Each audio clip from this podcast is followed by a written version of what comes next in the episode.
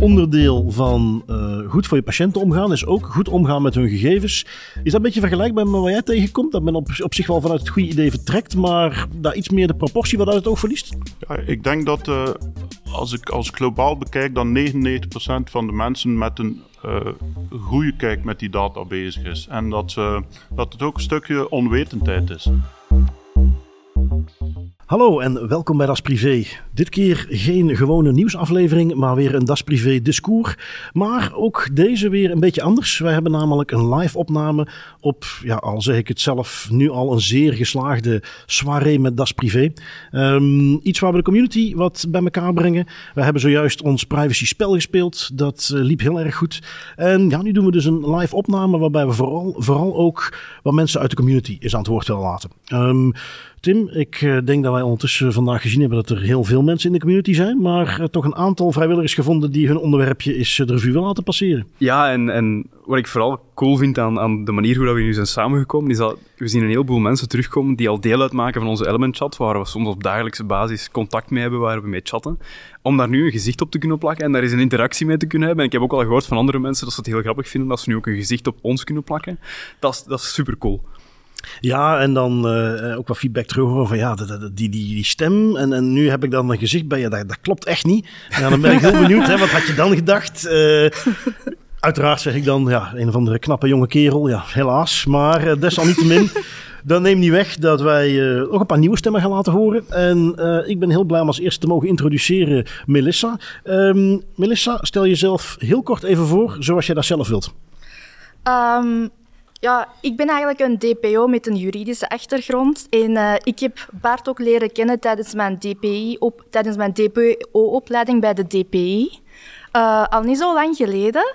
Maar ook uh, werd deze podcast mij aangeraden door iemand die in de zaal zit. was ook hm. een, mijn, niet mijn examinator, maar een van de examinatoren bij DPI, Valeska Krap. Oké. Okay. Dus als, Kraps zeg het verkeerd. Uh, dus aan haar medewerkers uh, aanraadt als zelfstandige DPO om naar uh, Das Privé te luisteren, dan weet je ook dat je het moet doen. Oké, okay, dus heel leuk om te horen. Zo meegenomen. Absoluut. Um, jij uh, had gevraagd van, goh, wie heeft er zin om mee te doen aan de live aflevering? Je was toen afgekomen met het onderwerp responsible disclosure. Mm -hmm. De term, ja, naar goed gebruik, een Engelse term die we daarvoor gebruiken, maar die dus betekent als jij op een verantwoordelijke manier als onderzoeker security security onderzoeken ergens een kwetsbaarheid vindt, ja, dan moet je die kunnen, uh, ja, ergens kunnen melden. Um, de praktijk leert, uh, het is ook iets wat ik heel vaak meeneem bij uh, mijn hogeschoolstudenten, probeer ik iedere week een nieuwe breach mee te nemen, nooit een tekort aan onderwerpen. En iets wat daar ook heel vaak in terugkomt, is dat een onderzoeker vaak al geprobeerd heeft om bij bedrijf waar het datalek zich voordeed, of waar de kwetsbaarheid in de software zat, om dat daar te gaan melden. Stuit daar heel vaak op ja, gewoon geen reactie, of wordt meteen afgedreigd met juridische acties.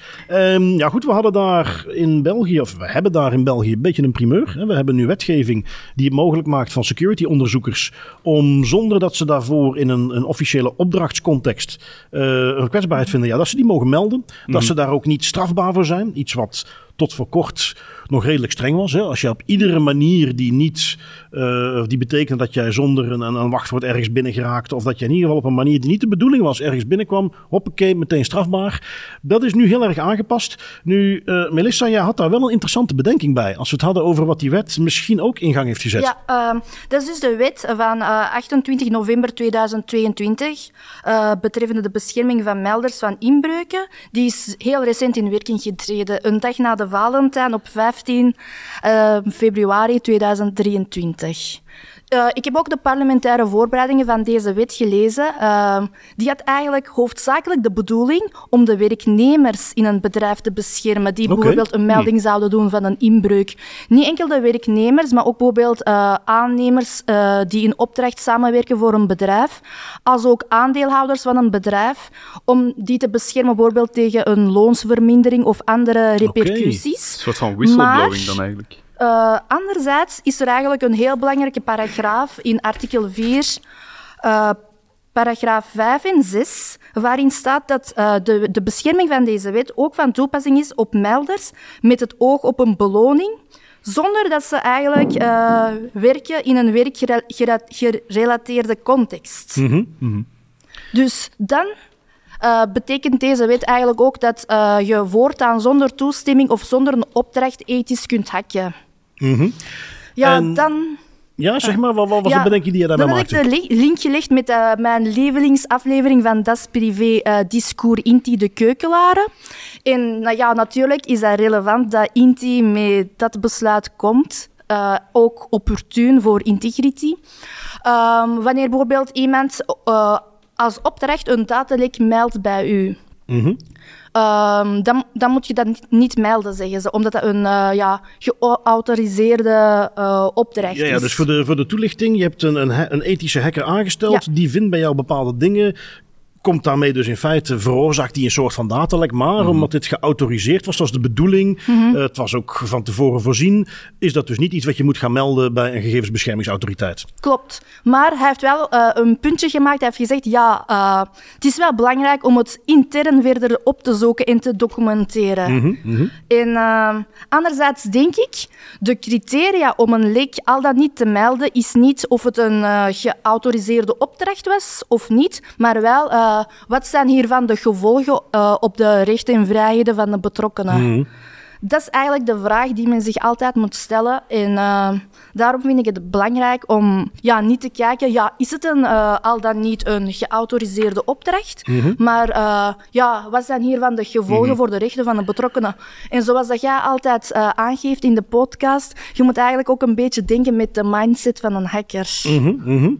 Dus uh, interessant denk ik ook voor de, voor de DPO's onder ons, maar voor iedere organisatie. Uh, de vraag die zich eigenlijk stelt is op het moment dat iemand op die manier uit zichzelf, die heeft geen opdracht gekregen, mm -hmm. die vindt iets, die komt dat melden. Ja, dat is dus niet geautoriseerd. Dus eigenlijk als je de letter gaat bekijken, dan is dat dus iets wat je zou moeten gaan melden bij de gegevensbeschermingsautoriteit. Nu, um, wat ga je doen op het moment dat je dat moet melden? En ik ga gewoon eventjes mijn insteek geven waarop mm -hmm. ik denk dat we hierop uitkomen. Um, op het moment dat er een mogelijk risico is voor de betrokkenen, moet je het gaan melden. Ik zie hier ruimte om te gaan zeggen, wel, we hebben hier iemand die dat ge, uh, niet geautoriseerd heeft gedaan, maar die wel dat op eigen houtje heeft gedaan. Die komt dat bij ons melden, die kondigt zich aan als iemand die dat verantwoordelijk wil melden. Um, misschien dat je dat wat, wat krachtiger moet onderbouwen met een verklaring waarin die persoon aangeeft van oké, okay, ik heb daar voor de rest, ik heb die data niet eruit gehaald, ik heb daar niks mee gedaan. Um, ik denk, als we het dan eventjes heel GDPR technisch bekijken, dat dit wel ook altijd in je interne register meegenomen moet worden. Ja. Mm -hmm. Maar dat je dat dus gaat gebruiken, die context waarin het gedaan is. Mm -hmm. uh, eventueel dus een stukje verklaring waar die onderzoeker mee aangeeft: kijk, ik heb daar voor de rest niks mee gedaan. En dat je het wel documenteert intern, dat je ermee weg kunt komen om die niet te gaan melden. Wat denk jij, Tim? Um, goh, de bedenking die ik me daar wel bij maak is. Als we dat even op een tijdslijn zouden zetten, het punt dat een, dat een responsible disclosure wordt binnengebracht bij een organisatie, dat een ethische hacker dat vrijwillig meldt om dan een beloning te krijgen of tenminste erkenning. Mm -hmm. um, dat betekent dat op dat moment er een zicht is op een incident dat zich voordoet of op een datalek Mhm. mm -hmm. of, of, op een potentieel datalek. Dat wil niet zeggen dat dat in het verleden niet misbruikt is zonder dat het bedrijf daarvan af weet. Hè. Zoals mm -hmm. dat we in heel... We hebben een aantal keer in de podcast ook al meegenomen. Heel vaak, dat is een beetje een pet peeve van mij geworden, dat we zien dat een organisatie bij het vaststellen van een datalek zegt we hebben geen uh, indicatie dat de gegevens uh, gelekt zijn, gestolen mm -hmm. zijn, dat er iets mee gebeurt. En dan een jaar later blijkt dat wel het geval. Ja. Hier denk ik aan hetzelfde. Het is niet omdat een ethische hacker in de tijdslijn op dat punt zegt: kijk, hey, uh, dit is een probleem, los het op. Dat er geen onethische hackers zijn die hier zonder medeweten van het bedrijf gebruik van hebben gemaakt. Ja. Dus ik ben van mening, ik denk dat je nog altijd moet zien naar wat is het potentieel, wat is de schade die zou kunnen worden berokkend door middel van het lek dat is ontdekt. En als de schade aanzienlijk is, als het risico aanzienlijk genoeg is, zou ik het alsnog melden. Hmm. Uh, dat lijkt me heel terecht. Dus ik denk ja. het, het, het, het uh, basispunt van die melding op zich hoeft geen aanleiding, van die hack, ethisch hacker hoeft geen mm. aanleiding te zijn van een melding. Maar inderdaad, dan wordt het, ja Melissa, zoals jij ook al aangaf, dan is het wel kwestie om dat wel goed intern te gaan onderzoeken. Ja. En zoals we ondertussen ook al weten, uh, ja, zoals in Securityland ook zegt, je hebt twee soorten bedrijven. De bedrijven die al gehackt zijn en die nog niet weten dat ze gehackt zijn. Wie weet dat je in die context bij onderzoek toch gaat moeten vaststellen: oké, okay, we kunnen niet uitsluiten dat hier misbruik van is gemaakt, dus we gaan het toch moeten melden. Dat vind ja, ik een heel terecht. Ja, de reden dat ik eraan dacht was omdat we het vorige week nog hebben, allez, deze week zelf nog hebben meegenomen in de podcast. Hè. De, Mhm. Am, een Amsterdams natuurpark dat eigenlijk nu Ja, een ja, datalek ja. meldt dat zich voordeed in 2021. Um, en ze hebben dat toen niet gemeld, omdat ze eigenlijk beseften van, ja, we zien hier niet dat er gegevens gestolen zijn. We hebben geen weet dat dat misbruikt is. Dus we hebben het lek gedicht. Daarmee is de kous af, dus we gaan het ook niet melden aan de AP. En dan twee jaar later worden de drie Nederlandse hackers gearresteerd. Dat is een heel gedoe. Dat is een, een ja, redelijk uh, zware politiezaak ondertussen ook geworden. En uit dat politieonderzoek blijkt dat de gegevens van de natuurpark wel degelijk gestolen zijn. Het natuurpark wist het gewoon niet. En dus twee jaar later doen ze nog altijd, een, doen ze nog steeds dus Ja. nu een melding bij de AP. Ja, ik denk dat dat een belangrijke kanttekening is eh, op het moment dat je zo'n melding zou krijgen. Eh, Melissa, om misschien nog af te sluiten. Ik hoorde jou zeggen dat dat jouw favoriete aflevering is met Inti. Ja. Nou, dat hoor ik natuurlijk heel erg graag. Is er iets waar jou daar specifiek van is bijgebleven? Wat je daar interessant aan vond? Eh, ook eh, ja, de responsible disclosure beleid. Eh, ik vind het nog altijd eh, ja, echt heel onvers onbegrijpelijk eigenlijk waarom een bedrijf dit niet zou hebben staan op de website. Zeker met deze recente wets, eh, wetswijziging. Eh, denk ik dat er meer eh, ethical hackers eh, aan de slag zouden gaan. Ik heb er ook ene gesproken, mijn zus. En ze was wel eh, heel enthousiast over deze Oké, wetgeving. oké, leuk. Heel ik, denk, goed. ik denk dat dat voor ethische hackers ook redelijk veel stress weghaalt. Hè, want Ja. voordat die wetgeving er was, het is een redelijk grijze juridische zone waar dat die mensen in werken en opereren, waarin dat ze zeggen van ik wil hier met de beste wil van de wereld een zwaar datalek gaan melden aan een organisatie in België. En dan hebben ze nog altijd het potentieel dat ze dus een rechtszaak aan hun been krijgen, omdat ze eigenlijk iets hebben gedaan wat dat technisch gezien niet mocht. Ook al deden ze het met de beste bedoelingen. Er is nog altijd zo die grijze, er was altijd nog die grijze zone, die er eigenlijk voor zorgde dat ethische hackers heel goed moesten opletten, wat dan ook een van de redenen is dat Integrity een succesverhaal is geworden. Hè, omdat dat eigenlijk een groot deel van de onzekerheid bij die mensen wegneemt. Die wetgeving is in mijn ogen daarin een hele verbetering. Oké, absoluut. Nou, dat vind ik een mooie afsluiter. Eh, Melissa, ik wil jou even hartelijk bedanken dat jij daar iets over wilde komen zeggen. Dankjewel. Dankjewel, Melissa. Dan hebben wij onze volgende communitylid, Ben. Eh, ik vond dat jij een heel interessant onderwerp eh, meegenomen had. We hebben dat ooit in de podcast wel eens benoemd. Maar eh, toen je ermee aankwam, dacht ik van, ah, dat vind ik een, een interessante. Ehm, heel kort misschien, op wat voor manier ben jij met privacy bezig? In eh, 2012 heb ik bij Peter Bergmans de eerste cursus gevolgd. En daarna nog een paar andere cursussen voor privacy. En ondertussen ben ik wel meer technisch bezig, maar de Ja. combinatie is zalig. Ik, wou net zeggen, eh, die technische toepassing in de context van privacy is ook heel belangrijk. Nu, eh, jij gaf dus mee, eh, ja, EasyMe vind ik eigenlijk wel interessante. Ehm, wat is EasyMe? Ja, ik denk It's Me kent iedereen, of zou er toch eh, vanuit gaan. EasyMe is een ehm, gratis dienst van de Federatie van Notarissen die aan elke Belg een ehm 1 gigabyte gratis cloud opslag geeft, veilig in België toegankelijk en zeer mooi. Je kan daarvoor eh, bepalen op voorhand wie wanneer welke data krijgt. Dus als je leeft, maar je kan ook instellen als je overlijdt wie wanneer dan welke gegevens krijgt. Bijkomend in die dienst is de, ehm, alle ehm, actes sinds 2015 verleden worden ook in opgenomen. Oké. Dus mijn vraag, mijn oproep is, wie ehm, heeft interesse om dat meehelpend te populariseren? Oké, laten we eens beginnen. Misschien, wie kent EasyMe al? Oh, kijk eens aan. Dat valt toch goed mee. Eh, ik, ik moet toch zeggen dat ik, eh, toen ik daar voor het eerst tegenkwam, ik had er nog nooit van gehoord. Ehm, ik weet niet, hoe, hoe heb jij het eigenlijk voorbij zien komen ooit oorspronkelijk? De notarissen zelf, die zijn wel actief, maar daar houdt het ook op. Mhm. Dus die geven die folder mee en dan is, als je een probleem hebt of vragen, dan, dan is de your own. Ik heb al contact gehad met de federatie van notarissen, die zijn echt niet zo centraal georganiseerd op dat vlak. Ehm, in Nederland heb ik al een paar eh, organisaties eh, gevonden, die zijn wel vaker commercieel. Ehm, ook wel transparant Mhm. en le- eh, lekker strak, zoals we daar gewoon zijn. Maar ehm, bij mij weten is het een, een uniek concept. En het feit dat iedereen gratis zomaar eh, kan, moet alleen Ja, nog ja. populairder worden. Ik heb ook een paar veiligheidstests gedaan erop en die, echt wel Oké. degelijk. Dus, eh. Ja, ik, ik weet dat ik ooit, maar goed, dat is maar gewoon via mailtje, heb ik ze is gevraagd van, goh, is dat end-to-end encrypted, die, eh, eh, die EasyMe databank? Heb jij daar ooit feedback over gehad? Of Jawel, niet ze, antwoorden niet snel, maar de antwoorden komen er wel. Oké. En ook, er zit evolutie in, dus eh, ja. Naarmate ze wat bekender, populairder worden. Ehm, misschien, eh, omdat jij er toch een bepaalde affiniteit mee hebt, wat vind jij de belangrijkste functie van EasyMe? Waarom zou jij zeggen, want dat proef ik toch een beetje, dat je dat echt wel belangrijk vindt dat meer mensen dat kennen. Wat is voor jou de belangrijkste functie die EasyMe invult? de definitie van goed gevoel voor iedereen. Hmm. Notaris straalt volgens mij meer vertrouwen uit dan eh, de overheid op zich. En, Big eh, tech. Om maar wat te zeggen. het feit dat de cloud is in België, dus... eh, Ja, ja, en ook, ze, het al sinds... eh, ze staan al meer dan tien jaar Dus, uh, Ondertussen, ja, oké. ja. Het doet me wel denken, het is iets waar ik uh, zelf ook al eens over nagedacht heb. Van ja, als ik om afgereden dan ook ineens, om het even heel cru te zeggen, tegen een boom rijd. Uh, ik ben natuurlijk veel bezig met het beveiligen van mijn gegevens. Ja, hoe zorg ik ervoor dat mijn vrouw of, of iemand anders waar er relevant voor is, dat die wel verder kunnen? Ook zo hele domme dingen, maar dat, uh, waarbij ik hoop, Tim, dat je dan vervolgens toch de podcast gewoon lekker door laat gaan. Dat jij die ook kunt uploaden, uh, dat dat nog beschikbaar blijft. Um, dus er wel eens over nagedacht van ja, hoe moet... En ik, ik kwam met hele simpele dingen aan. Uh, ergens een envelopje neerleggen met daar dan het wachtwoord ja. in van mijn grote kluis waar al mijn wachtwoorden in zitten. Dat in ieder geval mijn vrouw die dan weet te vinden en kan open doen. En mocht ze dan stiekem dat een keer doen, dan kan ik het achterhalen. Want ja, het is nog gewoon een klassieke envelop. Verwacht ik niet uiteraard. Um, maar ja, daar, daar is EasyMe toch een iets uh, technisch geavanceerde oplossing voor dan als ik het goed begrijp. Ja, zeker. Ja, oké. Okay. Het is misschien een beetje een morbide uh, gedachte natuurlijk, maar het is iets waar dat ook redelijk weinig aandacht nog voor is. Die toepassing dan specifiek, want EasyMe kan je voor veel dingen gaan gebruiken, maar mm -hmm. specifiek voor de toepassing van wat gebeurt als ik morgen overlijd. En mm -hmm. ik moet, uh, allee, ik niet, want ik ga dat niet meer zijn uiteraard, maar er gaan gegevens moeten gedeeld worden met mijn naasten, met mijn familie, want dat is nuttig, dat is soms zelfs heel belangrijk. We hebben een aantal keer ook meegenomen dat dat eigenlijk fout kan gaan als, mm -hmm. dat, als dat niet gebeurt. Um, ik vind dat daar heel weinig bij wordt stilgestaan, want we, ervaren een heel groot deel van onze beleving en onze samenleving meer en meer digitaal.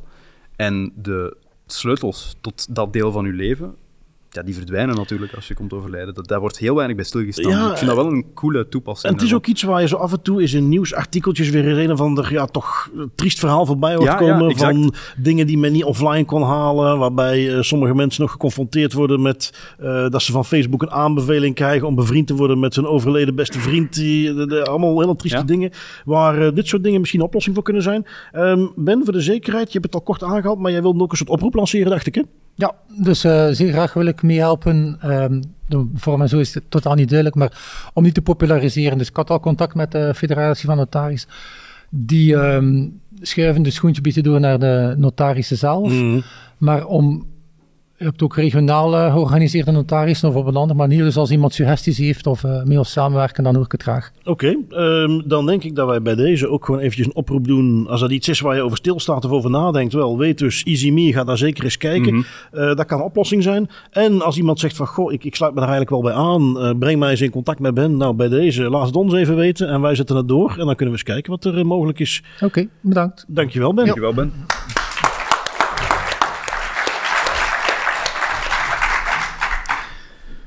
De volgende, het volgende lid van de community dat we hebben meegenomen, Lisbeth, jij stuurde ook iets in. Iets waar ik in de praktijk ook al veel van voorbij heb zien komen. Ja. Iets waar ik weet dat, uh, om die er als eerste bij te pakken, werkgevers toch al vaak mee bezig zijn. Mm. Um, ik laat je jezelf en het onderwerp even introduceren. Ja, ik uh, ben Lisbeth, uh, ik ben advocaat. ik ben al een aantal jaar actief in, ja, in privacy, GDPR, maar vooral met de focus op IT, dus ook cybersecurity en dergelijke. Ik ben ook eigenlijk, zoals jij Bart, toevallig erin gerold. en ik, ja, ik heb er echt passie voor gekregen, voor het vak. Um, en ik ben mij daar meer en meer in gaan verdiepen. En um, hoe meer ik er mij in verdiep, hoe interessanter ik het vind. En zo ben ik nu ook toevallig um, allee, uh, bij een cliënt terechtgekomen, waar ik inderdaad in contact ben gekomen in het kader van een missie met betrekking tot ja, biometrie. Mm -hmm. Dus het meer concreet dan um, het gebruik van, uh, of de mogelijkheid tot het gebruik van vingerafdrukken voor enerzijds toegang uh, voor werknemers tot de werkvloer, dan wel toegang tot de datarooms, dus waar heel gevoelige informatie zit en waar dat ook eigenlijk niet iedereen toegang heeft. En waar dan eigenlijk die fingerprints of die vingerafdrukken zouden gebruiken ja, als een soort van ja, veiligheidsmaatregel. Mm. Uh, het is iets waar je dus aan de ene kant nu benoemt van ja, ik, ik zie daar wel uh, mogelijkheden of, of, ik zie daar wel de noodzaak van in. Maar waar je tegelijk, tegelijkertijd aangaf van ja, ik weet niet of dat eigenlijk wettelijk op dit moment al wel kan. Ja. Um, ik zal trouwens nog één vraagje. Je mag iets dichter bij de microfoon gaan ja, zitten. Ja, ja, oké. Okay. Um, maar dus waar je aangeeft van ja, ik, ik, weet eigenlijk niet of dat wettelijk wel de juiste basis voor is. Wat ben je mm. daar al rond tegengekomen? Wel, ik heb eerst en vooral um, ja, de wetgeving gecontroleerd. Dus dan moeten we gaan naar GDPR uiteraard. Daar beginnen we altijd. Uh, artikel 9.1. Mm -hmm. Dus daar beginnen dus gevoelige gegevens, eh, biometrische gegevens, die tot een unieke identificatie kunnen leiden van een persoon. En dan komen we al heel vaak tot ja, de, de vingerafdrukken. Het wordt als voorbeeld gegeven. Dan wel de vingerscans in mijn geval geval. Dus wat gaat men doen? Men gaat 15 punten op, um, de duim nemen en men gaat die gebruiken als unieke vingerafdruk. Ehm, daar begint het mee. En dan heb ik ook gezien dat de GBA inderdaad een uh, aanbeveling heeft van uh, de e nummer 1 2021, als ik mij niet vergis. En waar zij eigenlijk melding maken van inderdaad artikel 9.1 en de twee mogelijke gronden. Nu, de eerste is toestemming. Uh, nu, het is wel zo, toestemming is binnen het kader van GDPR um, onderworpen aan bepaalde voorwaarden. Die moet vrij zijn, ondubbelzinnig, specifiek mm -hmm. geïnformeerd mm -hmm. en dergelijke. Dus uh, wat ook op zich logisch is. Uh, nu, wanneer we het over een werknemer hebben, zitten we eigenlijk al met een probleem wanneer we het hebben over een vrije toestemming. Mm -hmm. Um, nu, het is wel zo in het kader van bijvoorbeeld het nemen van afbeeldingen, um, dat, er, um, iets meer, dat er iets meer losheid is, om zo, of soepelheid is liever om het zo te zeggen, omdat men daar het, het onderscheid gaat maken tussen een need-to-have met betrekking tot foto's en een nice-to-have. En men wel zegt bijvoorbeeld de artikel 29 Working Party zegt bijvoorbeeld dat je daar wel kunt, uh, voor nice to have, dat je daar wel toestemming kunt gebruiken op voorwaarde dat je als werkgever kan aantonen inderdaad dat die effectief vrij is. Nu, misschien daar even een stapje terug. Uh, ja. Waarom is toestemming voor een werknemer niet vrij? Omdat je altijd met een gezagsrelatie zit in principe. Dus daar vertrekt het uit. En de GBA zegt wel, en ik citeer ook een beetje de GBA, van kijk, um, een werknemer zit toch altijd in een zeer vervelende situatie wanneer deze gevraagd wordt om zijn vingerafdrukken te geven, wat ja. toch ja, heel erg gevoelig is. Mm -hmm. um, enerzijds, um, dus er moet wel een mogelijk... Dus het is eigenlijk, nee, vanuit die optiek is het onmogelijk om van een vrije toestemming te spreken.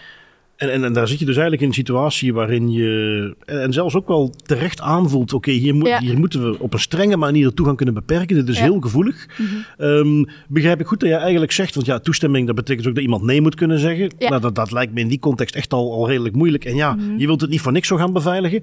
Begrijp ik goed dat jij zegt, wel, uh, van mijn part in een kerncentrale, of je noemde een toegang tot een datacenter.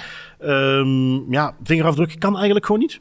Ha, daar vind ik iets meer genuanceerd, omdat met betrekking tot datacenters, en dan ga ik ook verwijzen naar um, ja, de wetgeving in Nederland, dus onze buurlanden zijn in, ja, in dit geval opnieuw voor op België. Mm -hmm. Dus daar zijn er twee uitzonderingen, dus zij hebben wel die wettelijke basis om die biometrische uh, gegevens te gebruiken.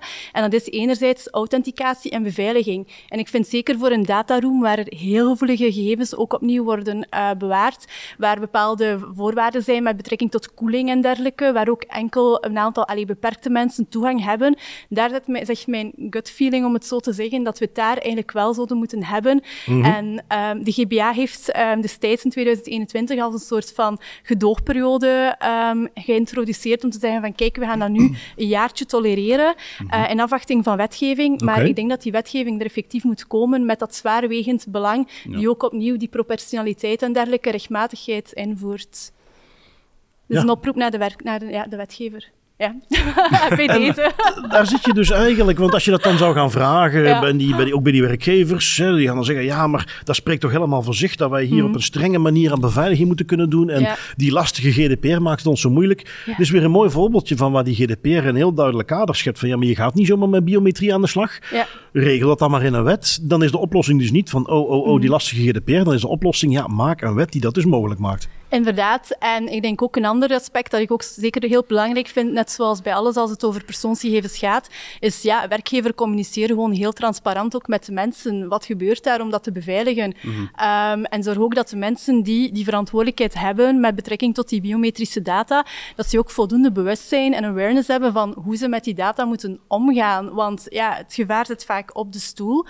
Um, en als zij, niet, ja, als zij niet weten van waar zij mee bezig zijn en die gegevens lekken of komen in de verkeerde de handen terecht. Mm -hmm. um, ja, ik zie als advocaat ook heel veel gevallen van phishing en dergelijke, waar ja, gewoon mensen, uh, Jan met de pet om het zo te zeggen, maar met slechte doeleinden, effectief een bankrekeningnummer van iemand kent, mm -hmm. die moet het op een of andere manier te weten zijn gekomen. Als die gegevens in handen terechtkomen van criminelen, en ik denk dat voor veel mensen die bezig zijn met GDPR, dat we toch wel zien dat die meer en meer georganiseerd worden, dan mm -hmm. ben ik toch wel een beetje bang als ik dat allemaal zie.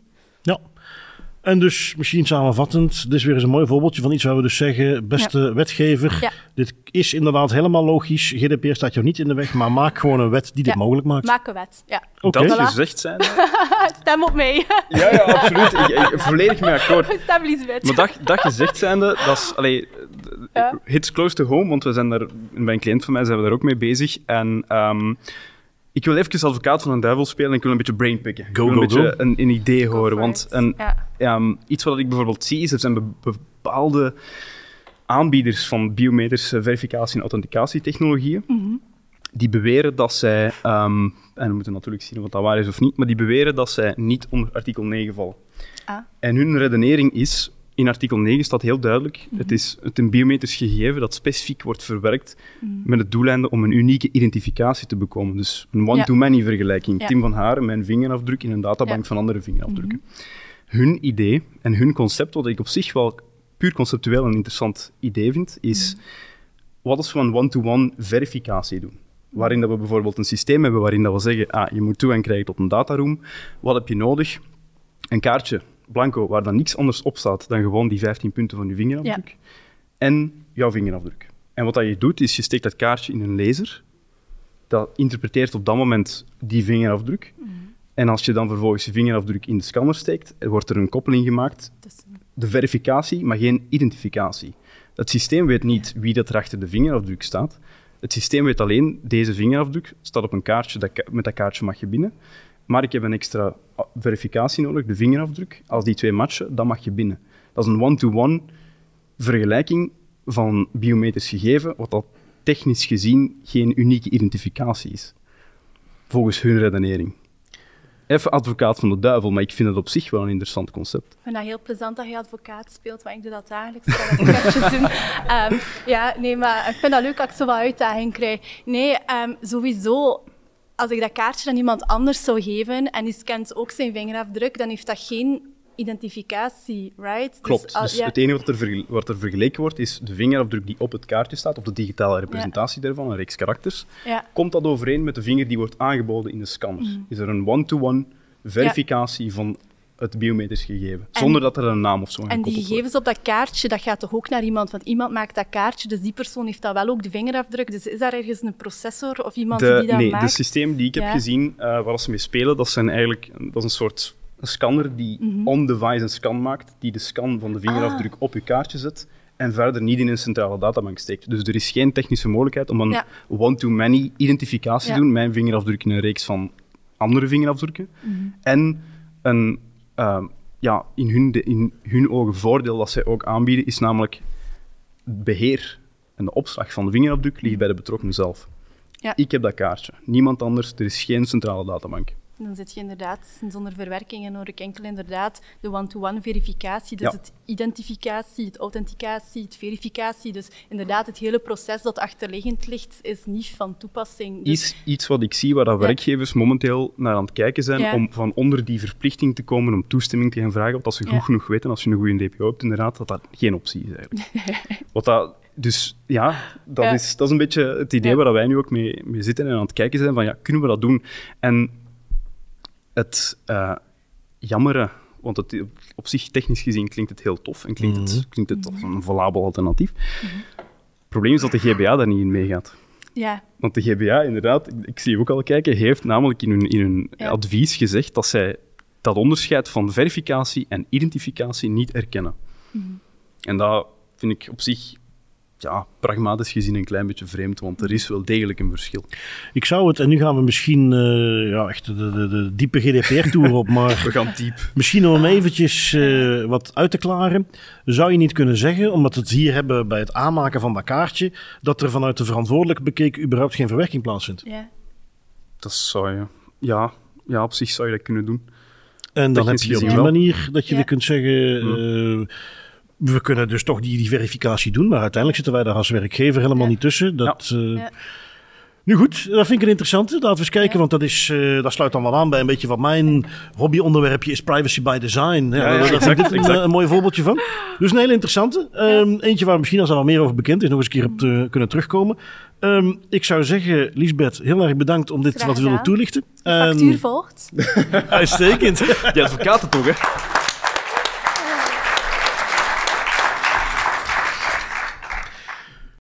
Dan hebben wij Jens er nog bij.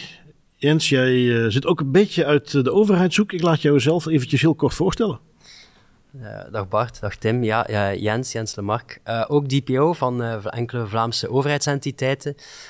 en daarvoor ook DPO geweest van een aantal lokale besturen. Dus ik heb wel een beetje een achtergrond zoals, zoals Philippe. Oké. Ehm, ik stel voor dat we onderwerp TikTok gewoon gaan laten voor wat het is. Ehm, en iets waar ik toch wel uh, benieuwd naar was. Ja, je geeft het zelf al aan waar je dus al wat ervaring mee hebt. Je hebt dat nu een tijdje gedaan. Uh, het is iets wat op de community ook voorbij komt. Toen, toen we een beetje aan het bespreken waren wat de DPO moet doen. En dat uh, ik daar wat, wat opmerkingen proefde van. Dat is eigenlijk, klinkt dat niet als een, een makkelijke functie. jij doet dat nu een paar jaar. Ben je graag DPO? Uh, de meeste dagen ben ik wel graag DPO, ja, maar dat is natuurlijk uh, afhankelijk van de dag. Uh, voilà, dus, dat klopt.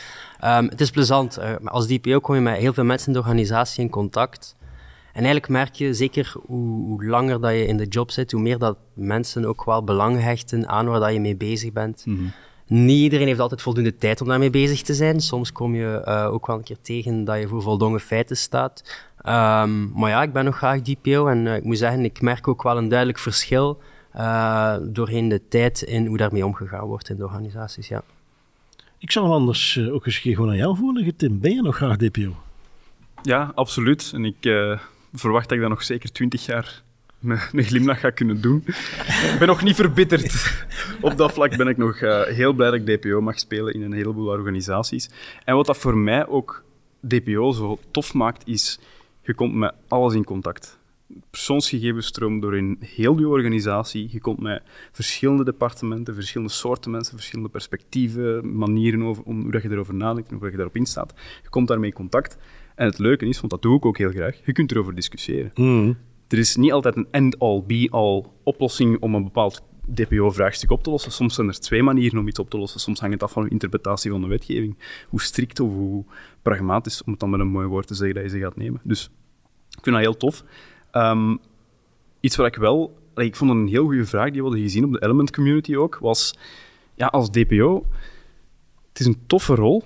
Um, je moet soms wel stevig in je schoenen staan, maar iets wat dat wel soms wat frictie kan zorgen, is inderdaad, je moet soms advies geven dat tegen de wensen of de doeleinden van het bedrijf ingaat. En um, dat was een vraag die we kregen van, ja, hoe ga je daarmee om? Is dat iets dat, dat, uh, dat, dat redelijk gemakkelijk is? Of, of hoe, ga je, hoe, hoe, neem je dat eigenlijk op? Mm -hmm. Wat zijn jouw ervaringen daarin?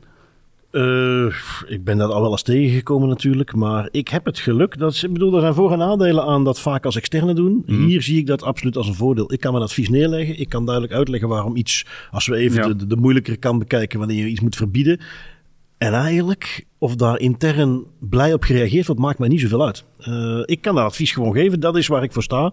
En natuurlijk, je moet dat gaan verdedigen. Je loopt soms tegen wat tegenkanting aan. Maar dat lijkt me, uh, als ik dan weer even naar jou kijk, Jens, als je toch meer intern doet, uh, lastiger. Um, wat ik interessant vind, omdat je het natuurlijk in die overheidscontext doet ik merk vaak een beetje een sentiment van buitenaf van ja, binnen die overheid, die, die willen steeds maar meer, die willen alles controleren. Een beetje het idee van de grote boze overheid. Um, is dat iets waar jij zou onderschrijven? Je bent nou een tijdje DPO of zie je daar eerder dat het toch wat genuanceerder is? Ik neem aan van wel, maar, maar hoe ervaar je dat? Ja, ik moet zeggen, allee, ik begin meestal bij de klassieker als ik een, uh, een bewustmakingssessie doe en dat is de toeslagenaffaire en dan zeg ik, dat is de reden waarom dat ik DPO ben bij de overheid. Ik wil voorkomen dat zoiets voorvalt. Mm. Kan met de hand op het hart zeggen, ik heb uh, in de jaren dat ik nu DPO ben bij de overheid nog geen enkele keer iets gelijkaardigs tegengekomen. Ik heb ook nog niet veel negatieve adviezen moeten geven. Dus um, ik weet niet dat dat bij jullie zit. Misschien dat als je externe bent, dat je sneller een negatief advies geeft, maar ik vermoed dat dat ongeveer gelijkaardig is.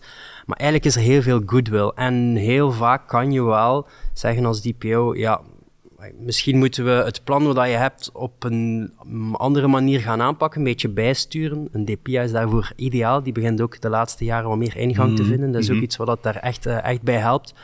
Maar uh, die grote boze overheid, ik heb ze nog niet tegengekomen. Misschien bestaat ze wel, hè? misschien uh, zit ze ergens verdoken uh, in, bij andere overheden of, of komen die dan niet bij de DPO terecht. Maar ik denk het eerlijk gezegd niet. Ik ga toch uit van de meeste medewerkers, tot administrateurs, generaal, secretarissen, generaal, ministers, um, bedoelen het echt wel goed.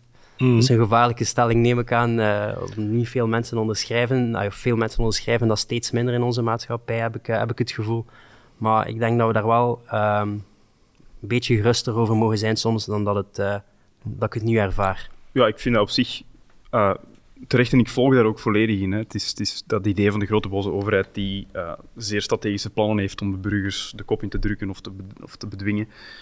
Dat lijkt mij wat ver gezocht, inderdaad. En sterker nog, om even echt heel extreem te gaan, zelfs, zelfs bij de toeslagenaffaire ben ik ervan overtuigd dat de bedoelingen goed waren. Het probleem is alleen, goede bedoelingen zorgen niet altijd voor goede resultaten.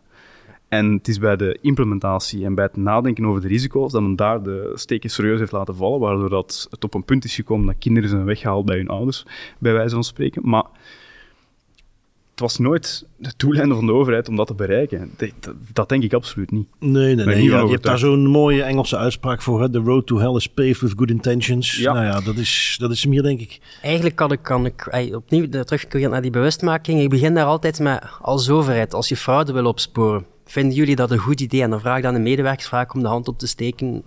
nog altijd gaan alle handen omhoog. Hmm. En dan begin je uit te leggen wat er gebeurd is in Nederland. Ik ben geen exacte specialist, maar ik heb er toch wat onderzoek naar hmm. gedaan. Maar omwille daarvan is het resultaat uiteindelijk gebleken, ja, mensen zijn, kinderen zijn weggehaald bij een, uh, bij een ouders. Er is daar blijkbaar, er zijn daar doden gevallen, hè. er heeft iemand zelfmoord gepleegd daar ook, ik weet niet wat mm meer. Mm Dus, uh, dus om, om iets goed te doen, waar dat we allemaal achter kunnen staan, is ergens in de implementatie, zijn er wel meerdere dingen in de implementatie fout gelopen. Uh, maar ook daar was het inderdaad niet uh, die grote boze overheid die, het mm. heeft, uh, die het heeft willen laten fout lopen. Dat vind ik uh, eigenlijk een, een mooie uitsluiter voordat wij doorgaan naar uh, de laatste persoon die we even de revue wil laten passeren. Ik zou zeggen, Jens, heel erg bedankt om daar wat feedback op te geven. Dankjewel, Jens. Bedankt, Tim. Bedankt, bedankt. Frank.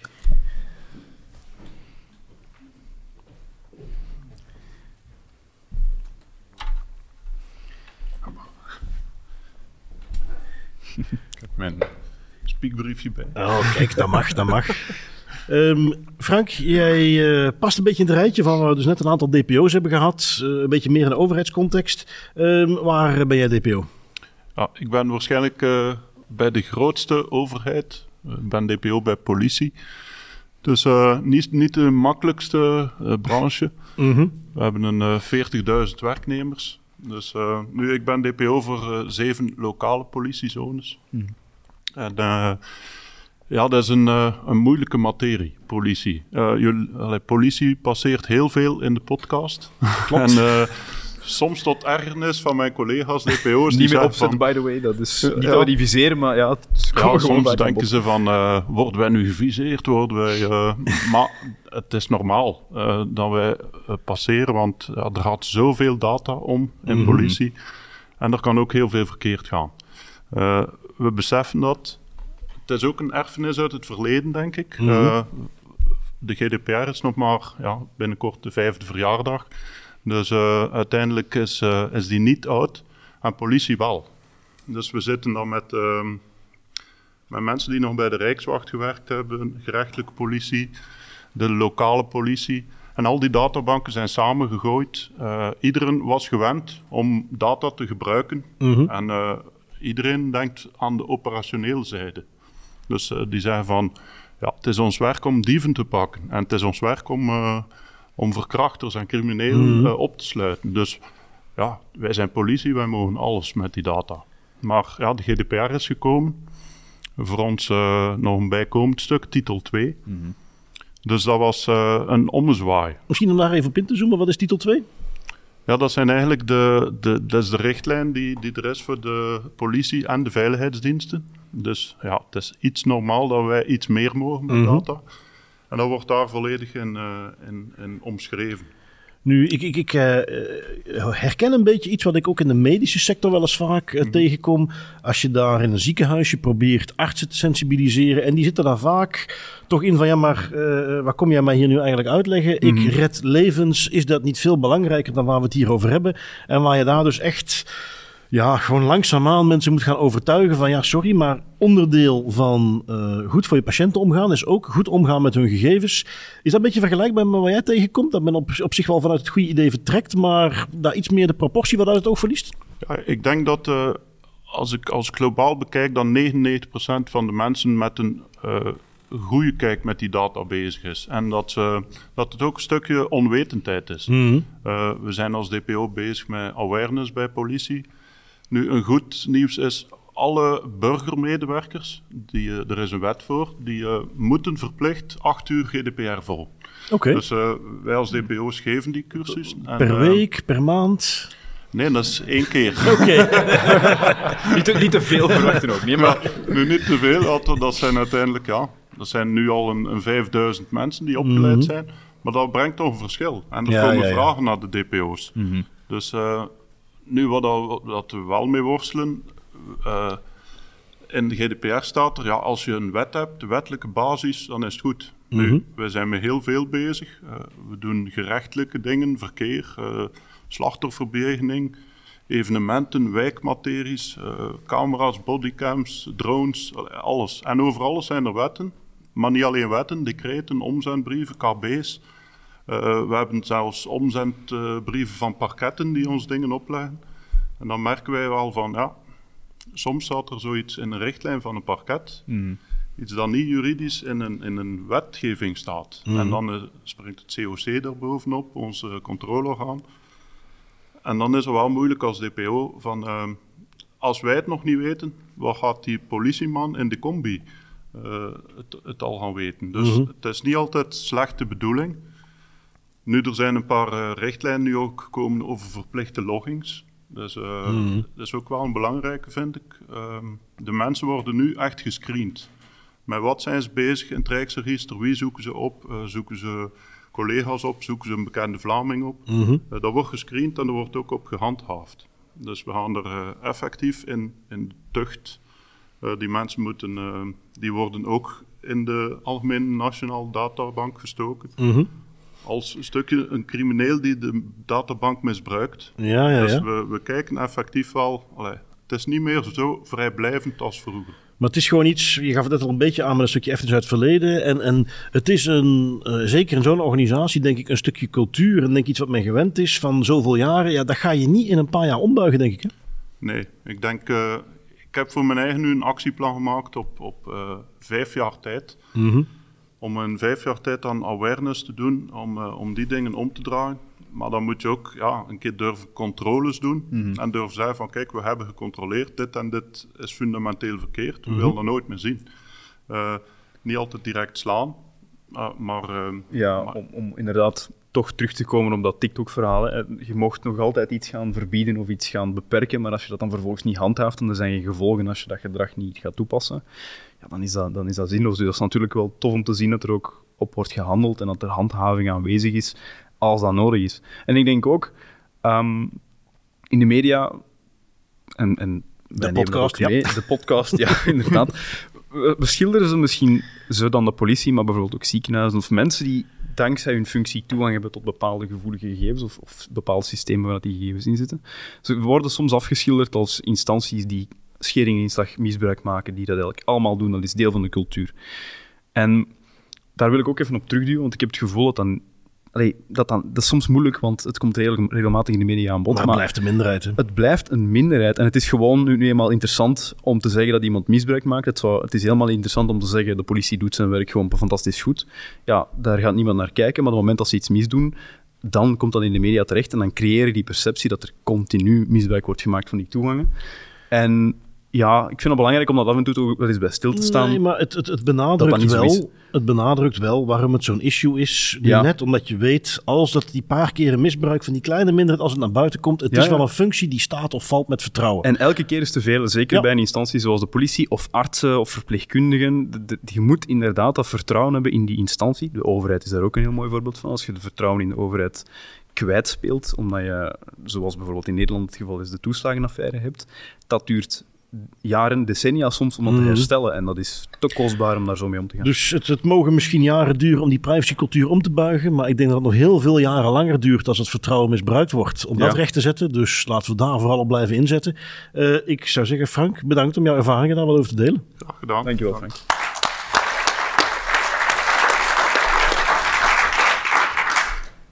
Tim, dan hebben wij ondertussen van heel wat mensen van de community wat onderwerpen aangesneden, wat feedback gehoord.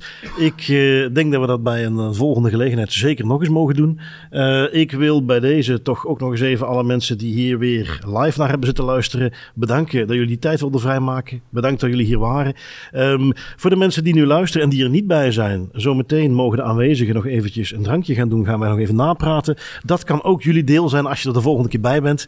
Dat gaan we zeker tijdig aankondigen. Um, in ieder geval, de luisteraars, bedankt voor het luisteren. De mensen aanwezig, bedankt dat jullie erbij waren. En uh, Tim, wij spreken elkaar snel weer voor een uh, gewone aflevering. Hè? Absoluut. Zoals altijd, met heel veel plezier. En tot volgende week. Tot de volgende.